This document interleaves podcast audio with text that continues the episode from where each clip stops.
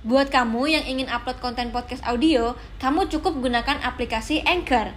Aplikasi gratis yang bisa kamu download di App Store dan Play Store. Anchor akan mempermudah mendistribusikan podcast kamu ke Spotify. Ayo, download Anchor sekarang juga untuk membuat podcast show kamu.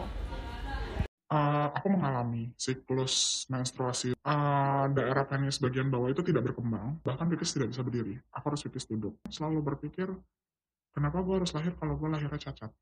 Oke, jadi uh, teman-teman uh, ini ada narasumber aku spesial nih karena kita akan uh, buka-bukaan juga. Uh, jadi sister aku ini sister nggak apa ya? Hmm, sister. Iya. Yeah. Sister.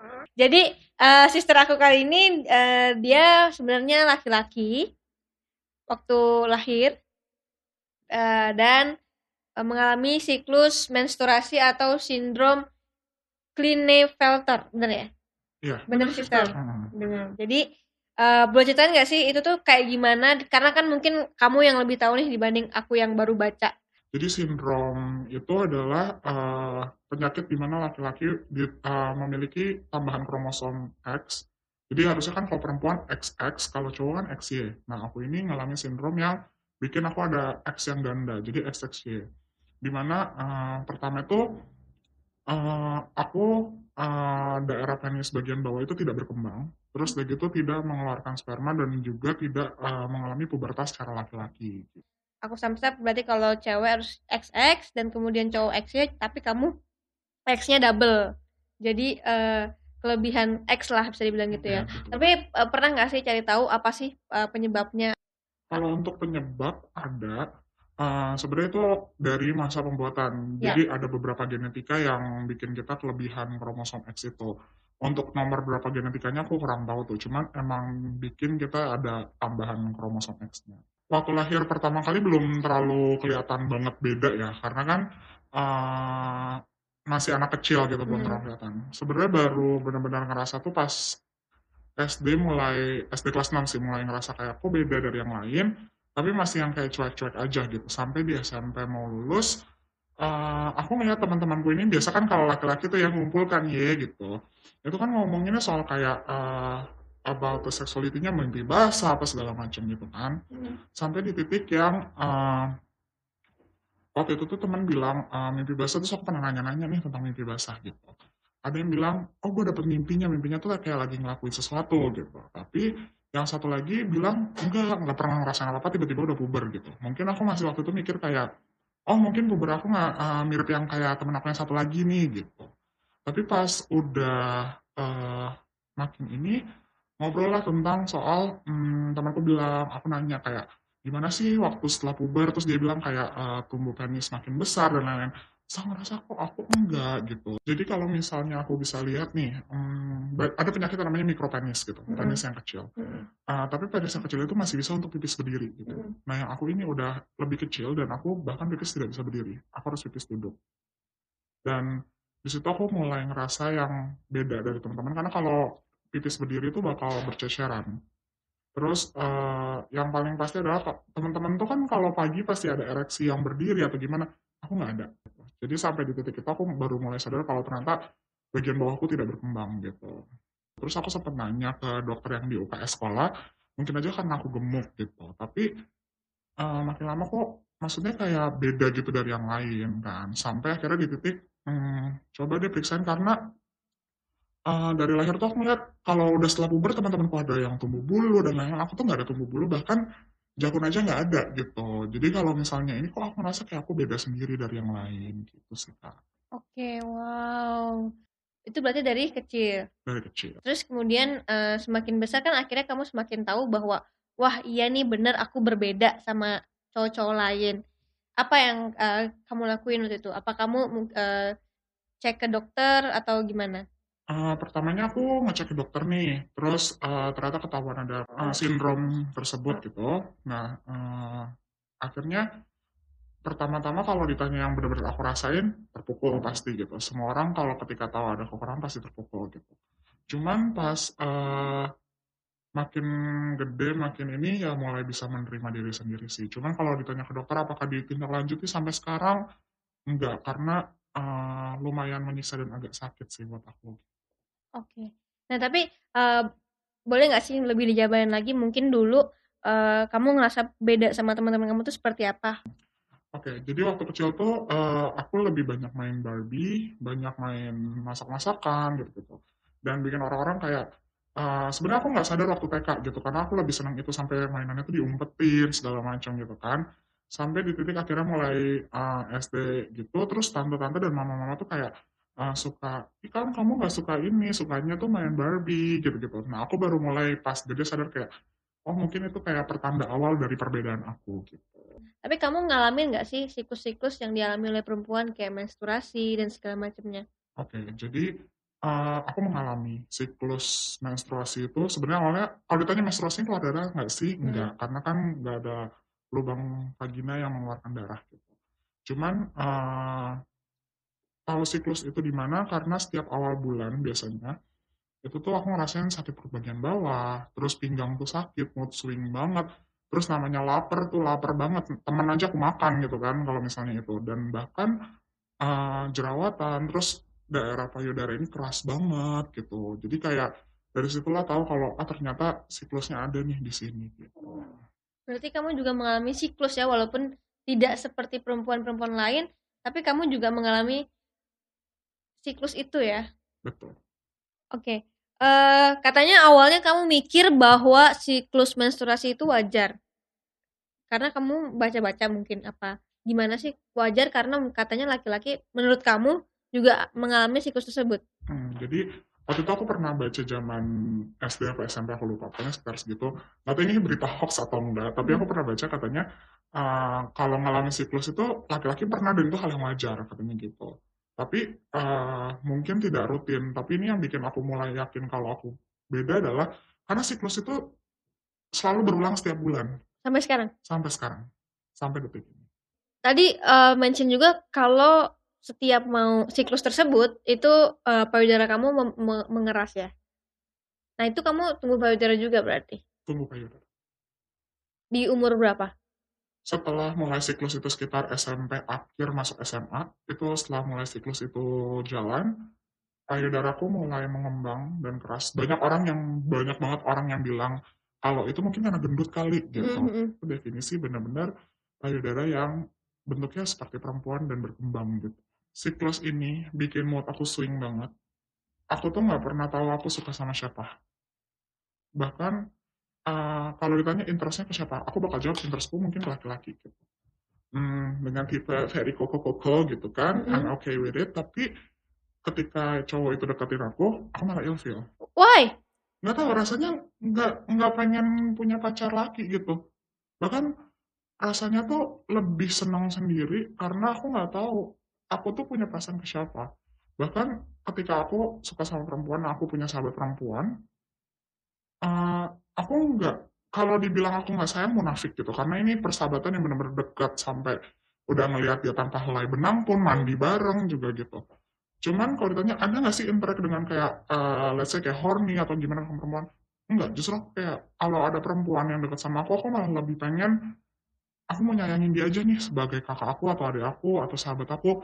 Dan salah satu sahabat aku yang deket banget sama aku ini aku pernah bilang ke dia gini kalau nanti ada satu cowok yang akan nikah sama kamu dan cowok itu sakitin kamu, gue nunggu lo di sini.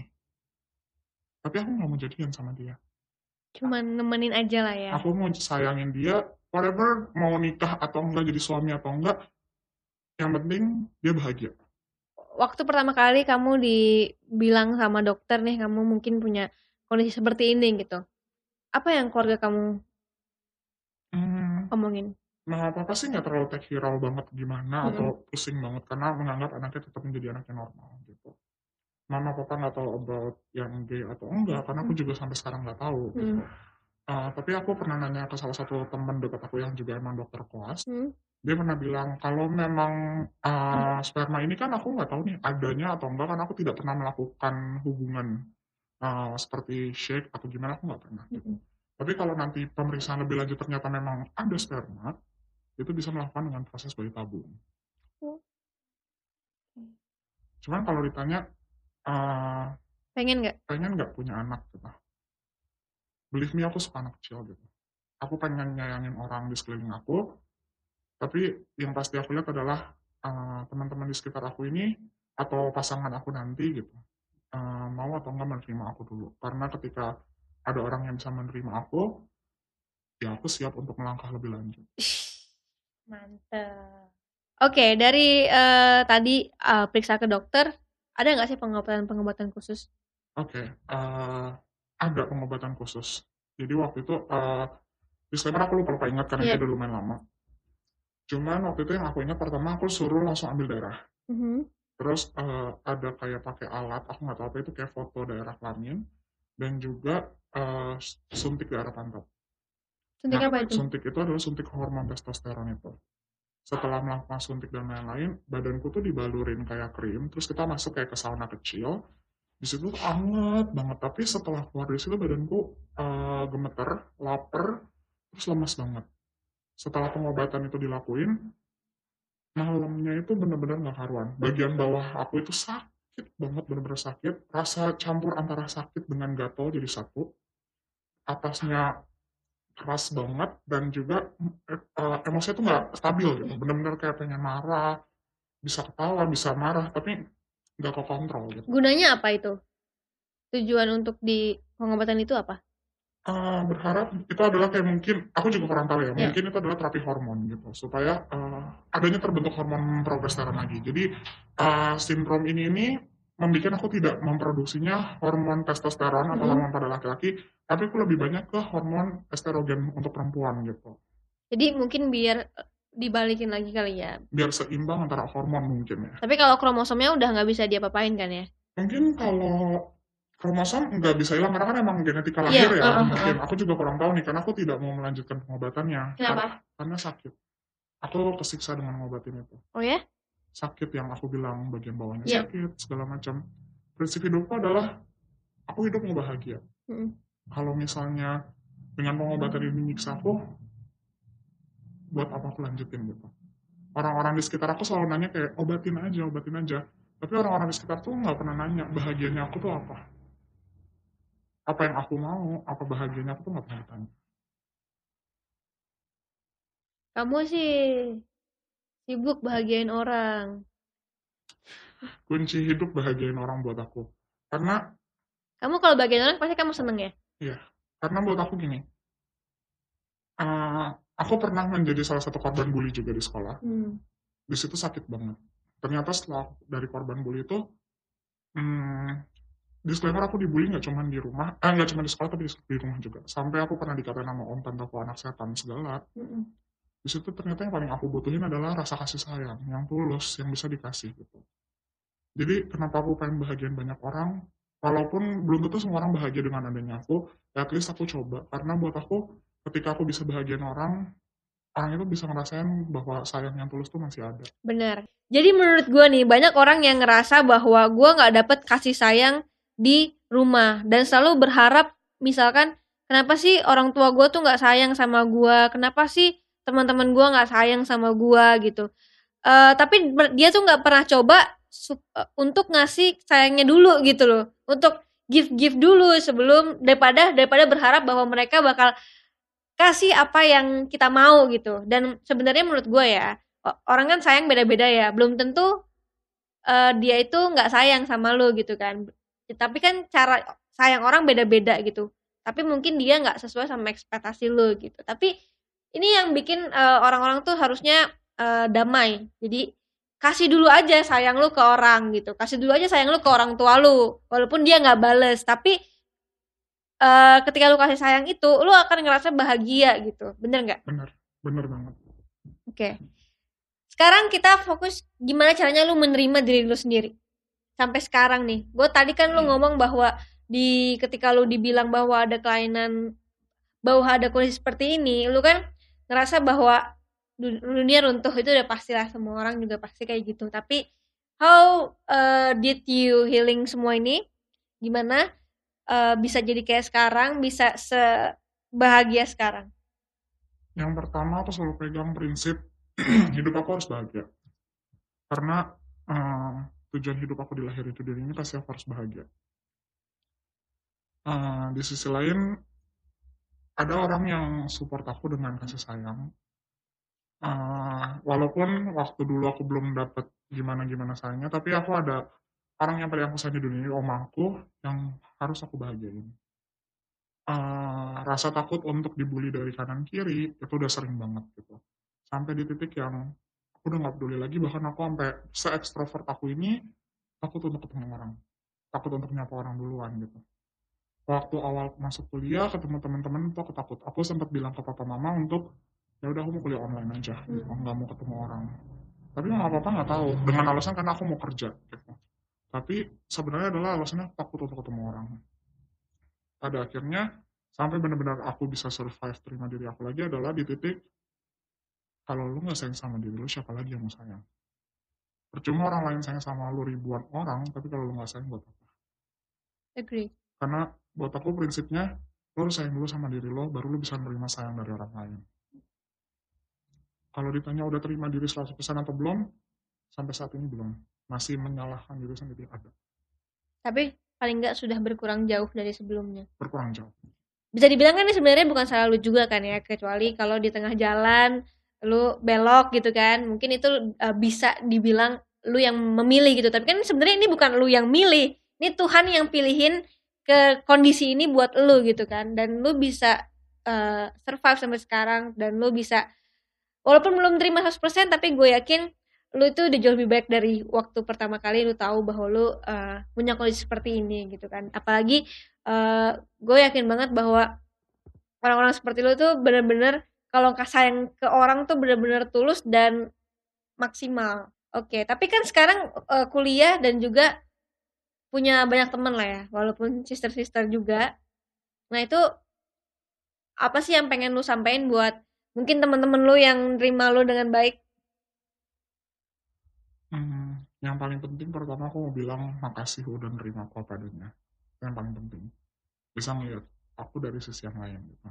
Karena banyak orang yang ngejudge aja tanpa tahu sebenarnya mau aku apa. Mereka yang mau dengerin aku tuh maunya apa gitu mereka yang mau terima mereka yang mau support mereka yang mau ngajarin macam-macam.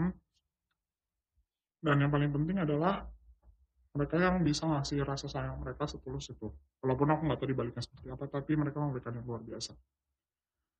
Yang aku bilang tuh makasih karena masih mau jadi temen aku. Mungkin di kuliah ini yang bikin aku berani ngadepin orang lagi kuat ngeliat orang lagi itu adalah mereka.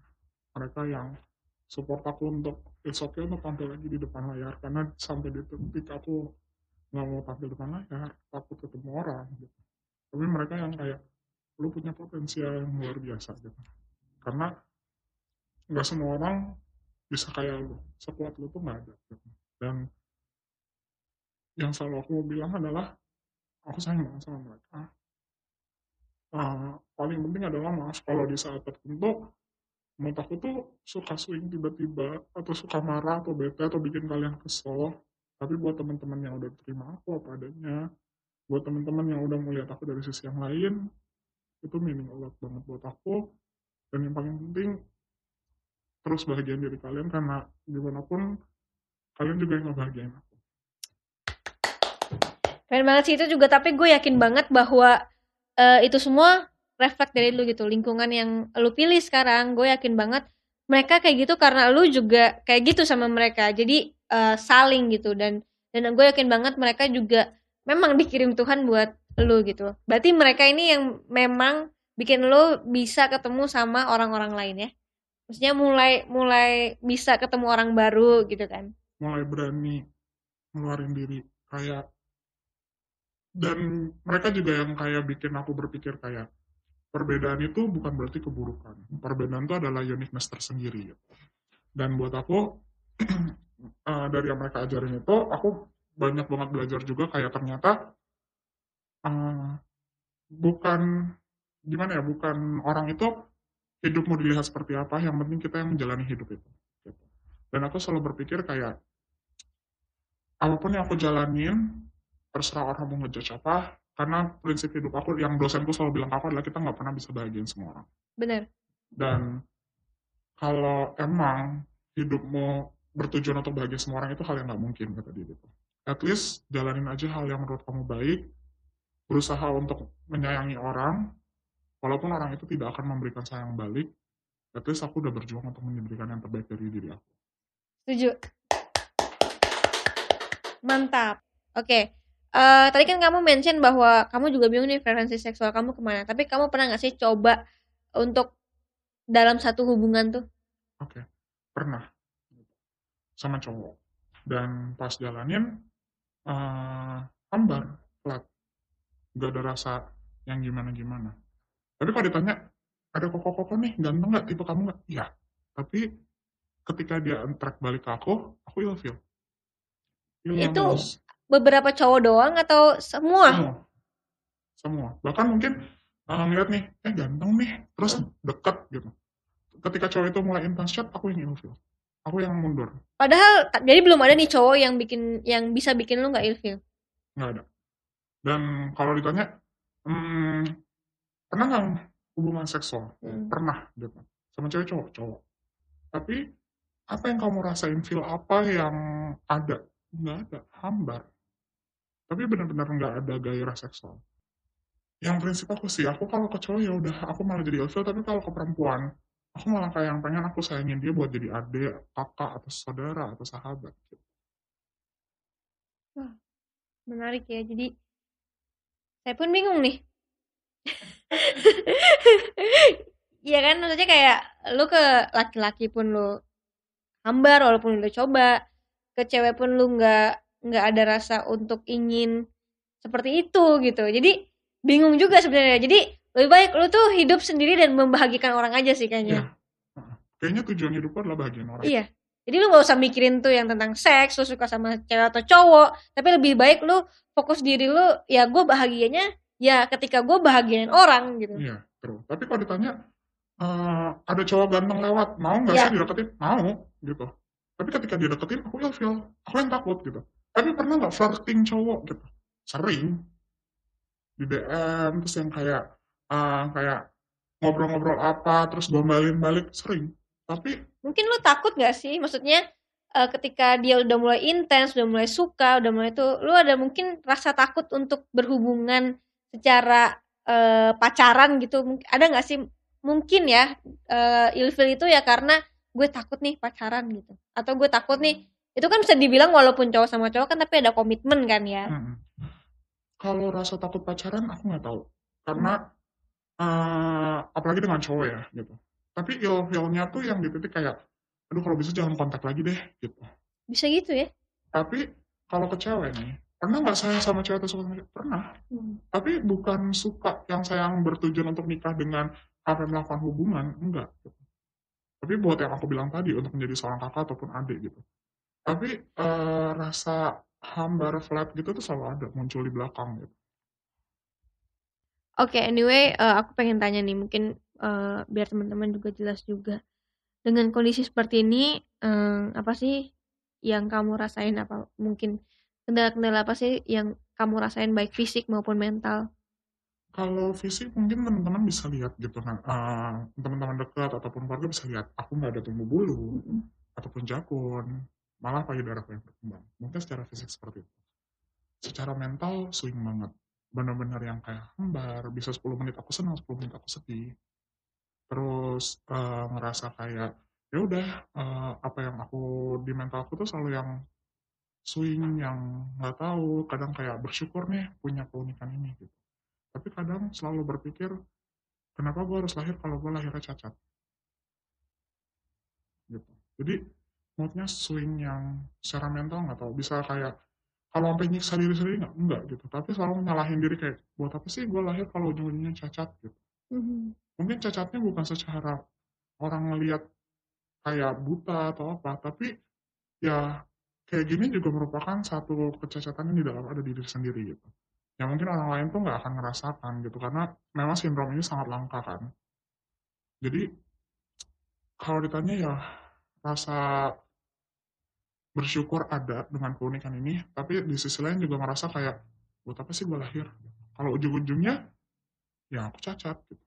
Oke, tapi well mungkin semua itu uh, menurut gue masih wajar ya yang tidak wajar dan tidak baik adalah ketika lu selalu menyalahkan uh, keadaan ini gitu. Tapi lu kan sudah mencoba nih ada positifnya, lu kadang juga suka bersyukur uh, dengan keunikan ini gitu kan dan gue rasa kalau lu dengan keunikan ini lu bisa banyak uh, masih banyak sesuatu yang bisa lu buat gitu masih banyak sesuatu yang bisa lu lu lakuin gitu di dunia ini oke okay. oke okay, sister kamu ada di sini dan mungkin teman-teman di rumah juga akhirnya tahu nih ada ada uh, sindrom ini gitu ya dan mungkin jangan asal ngejudge orang juga gitu ada uh, langsung aku kali ini dia tidak bersalah untuk ini. Dia dari lahir sudah uh, punya sindrom ini gitu. Jadi yang asal ngejudge bahwa mungkin kalau kecewa-cewaan, ah dia gini, dia gini. Lu nggak pernah tahu guys apa yang sebenarnya terjadi di belakang gitu.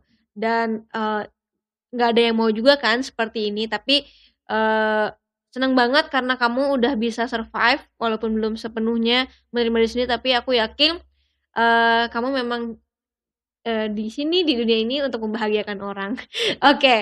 dan juga mungkin terakhir nih buat teman-teman yang akhir yang akhirnya tahu dan atau mungkin yang sedang ada di posisi kamu atau mungkin masalah tidak sama seperti kamu tapi uh, ada masalah juga. Kamu mau pesan apa buat mereka? Buat teman-teman semua yang pasti uh, pertama apa pun masalah yang sekarang kamu hadapin, gak ada masalah yang gak ada solusinya. Itu pertama kalau memang masalah itu buntu banget yang kalian nggak bisa selesaiin, uh, mungkin itu akan menjadi hal permanen seperti yang aku saat ini alami gitu. Tapi ternyata banyak hal lain yang bisa teman-teman rasain, rasa sayang dari orang, rasa bersyukur itu, yang paling penting selalu bersyukur di mana pun kalian berada. Kita lahir di, uh, di dunia ini pasti punya satu tujuan, yang harus diingat adalah tujuan hidup kita adalah bahagia. Dan buat teman-teman yang selalu berpikir kayak, aku mulai sesuatu tapi aku takut, seperti yang aku lakuin sekarang gitu. Yang paling penting adalah kita hidup punya tujuan, kejar tujuan itu tanpa rasa takut. Karena apa pun itu berasal dari kemauan kalian gitu. Dan yang paling penting buat orang-orang yang selalu bilang gue nggak pernah dapat rasa kasih sayang makanya gue nggak bisa cerita ke siapa-siapa di dunia ini nggak mungkin nggak ada yang sayang nggak ada nggak yang sayang sama kita semuanya pasti ada yang sayang sama kita. Nggak kita nemuin orang yang tepat atau enggak. Yang paling penting kita harus bisa survive dan menerima diri kita padanya dan sayangi diri kita utamanya banyak banget kata-kata yang bisa diambil buat pelajaran kalian semua. Dan semoga dengan video ini kalian juga bisa tercerahkan. Uh, jangan ngejudge orang jangan bully orang juga. Dan juga uh, semoga dengan video ini kalian lebih terbuka matanya dan lebih bersyukur lagi atas semua yang kalian dapatin di dunia ini. Dan thank you banget udah mampir ke sini. Dan teman-teman kalau misalkan juga punya cerita yang menarik dan mau di-sharingkan kirimkan cerita kamu bersama nama, nomor telepon dan domisili kamu di mana ke email di bawah ini. Nanti akan kita panggil Sampai ketemu di video berikutnya. Dadah. Nonton sampai habis ya. Makasih ya. Jangan lupa follow Instagram aku di sini dan nonton video lainnya di sini.